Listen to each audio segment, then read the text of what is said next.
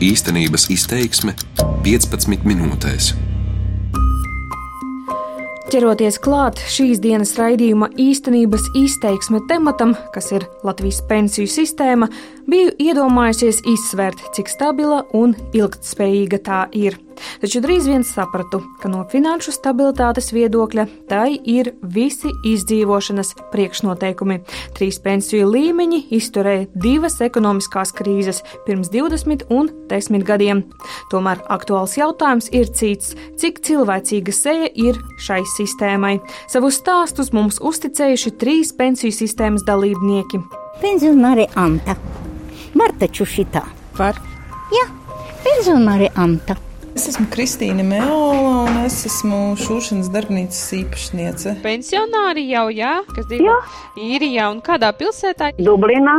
Kādas problēmas pensiju sistēmā saskata valsts tiesības sargs un labklājības ministrijas valsts sekretārs, un galvenais, kādus risinājumus piedāvā. Esam gatavi, ja? Jā, Ļoti labi. Šos jautājumus uzdevu es, Ella Simjonova, un tuvākajās minūtēs dzirdēsiet arī saņemtās atbildes.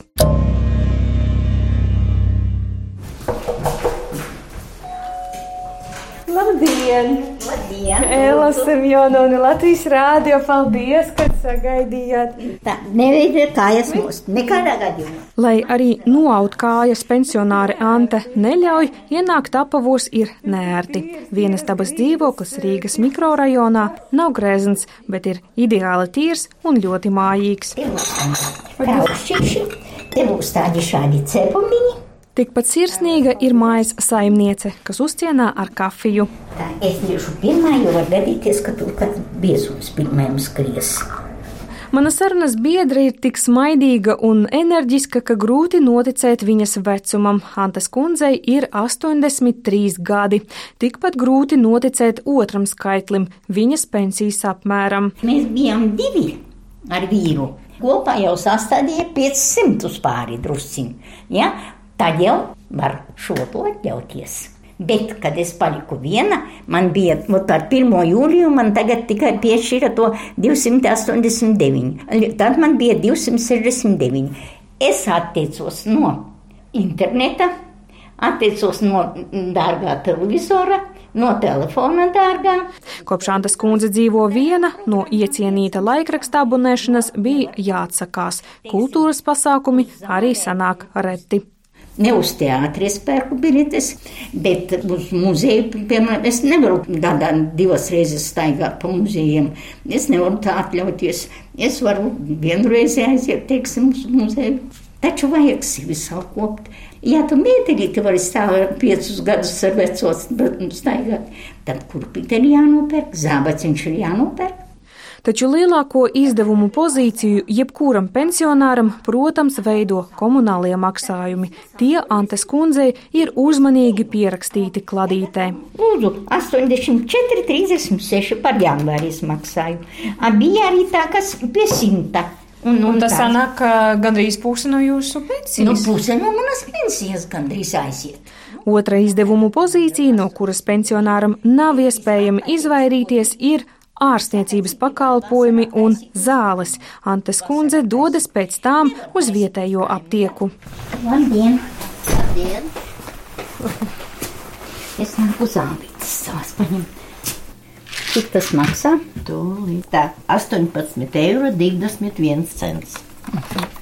Šoreiz aptiekā paņemtas tikai viena veida zāles. Pēc mēneša nāks vēl.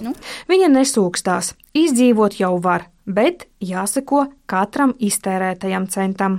Nu, es nevaru atļauties, kundze, mīļā, nevaru atļauties, teiksim, ēst zandartu. Man viņš garšo ļoti, bet es nevaru, es to datu reizi varu atļauties pirkt.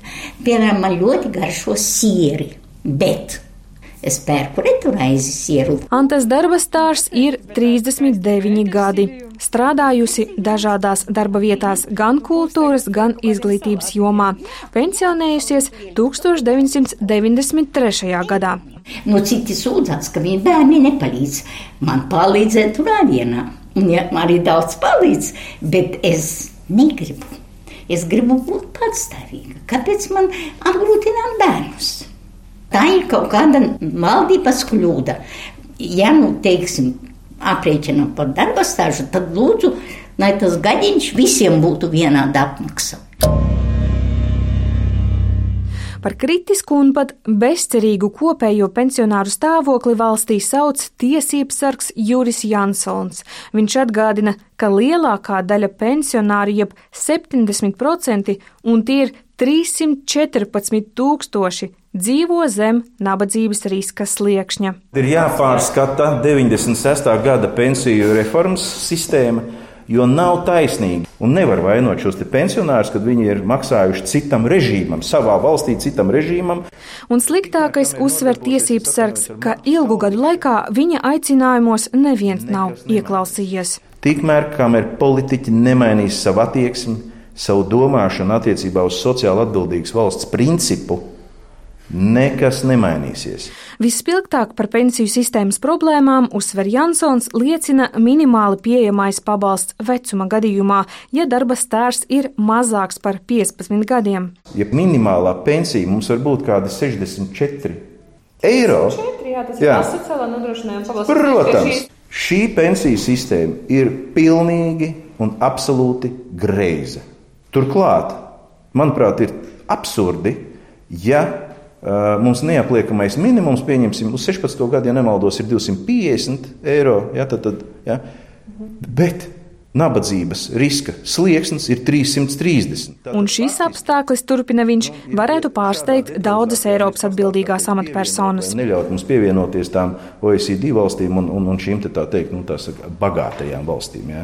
Pensionāra neapliekamo minimumu Latvijā ceļ pakāpeniski. Nākamgad ar nodokli neapliks pensijas 270 eiro robežās, bet aiznākamgad 300 eiro. Valstī vajadzētu iet straujākiem soļiem, uzskata tiesības sargs. Labdien! Tik lēnu neapliekamā minimuma paaugstināšanu kritizē Vidzemes augstskolas Sociālo, ekonomisko un humanitāro pētījumu institūta vadošā pētniece Feliciāna Rajevska. Tāds mazs pielikums.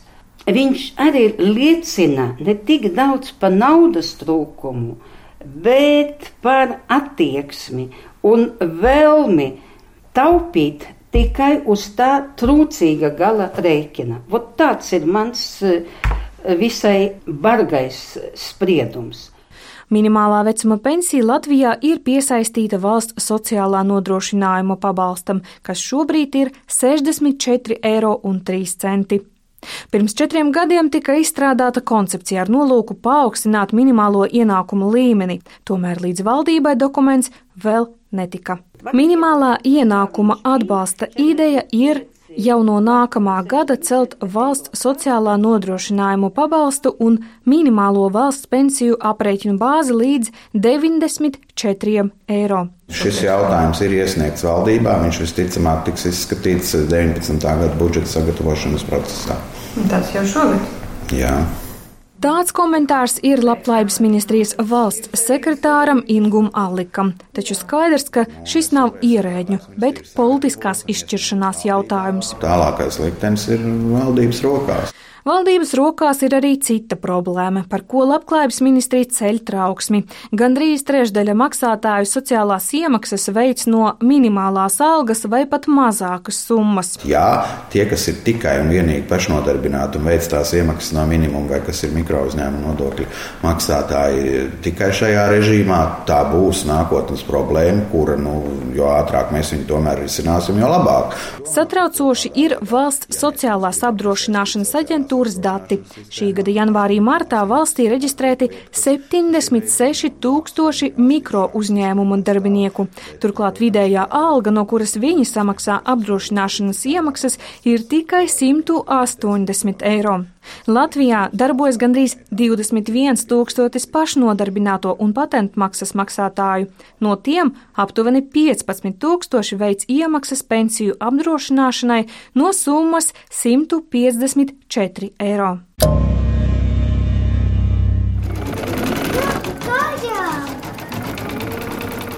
Izšūšanas mašīnas troksnis netraucē trīsgadīgajam Kristapam joņot pa mammas darba vietu, šūšanas darbnīcu.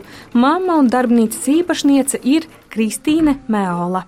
Tā būs viena mamma, pasūtīja savai četrgadīgajai meitiņai uz krustībām jostiņu.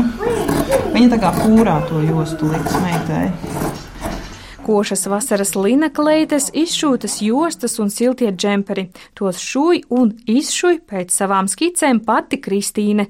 Pašnodarbinātās status viņai ir tikai gadu. Sociālā nodokļa nomaksa pagaidām nav bijusi prioritāte. Jā, šobrīd ir tā, ka man praktiski visi brīvie līdzekļi, ko es nopelnu, iet manā attīstībā. Es te nodevu atskaites arī, tad man nodokļos nekas vispār nesanāca, jo man ir autorisnēta izdevuma ļoti daudz. Bet eh, vai domājāt, kāda jū, būs jūsu pensija nākotnē? Es godīgi sakot, es tiešām, nu, man ir tāda atbilde kā vairumam, kad es par to īsti vēl nespēju iedomāties. Es, protams, centīšos izsisties. Man viss, visas pūles, visa nauda tagad, lai izsistos uz augšu, un es ceru, ka, kad man būs tāds uzņēmums, kad es varēšu arī kaut ko aplikt pensijai. Cīnoties par šodienu, Kristīna atzīst, ka par nākotni vēl nedomā. Jums pašai ir uzticība pensiju sistēmai mūsu valstī?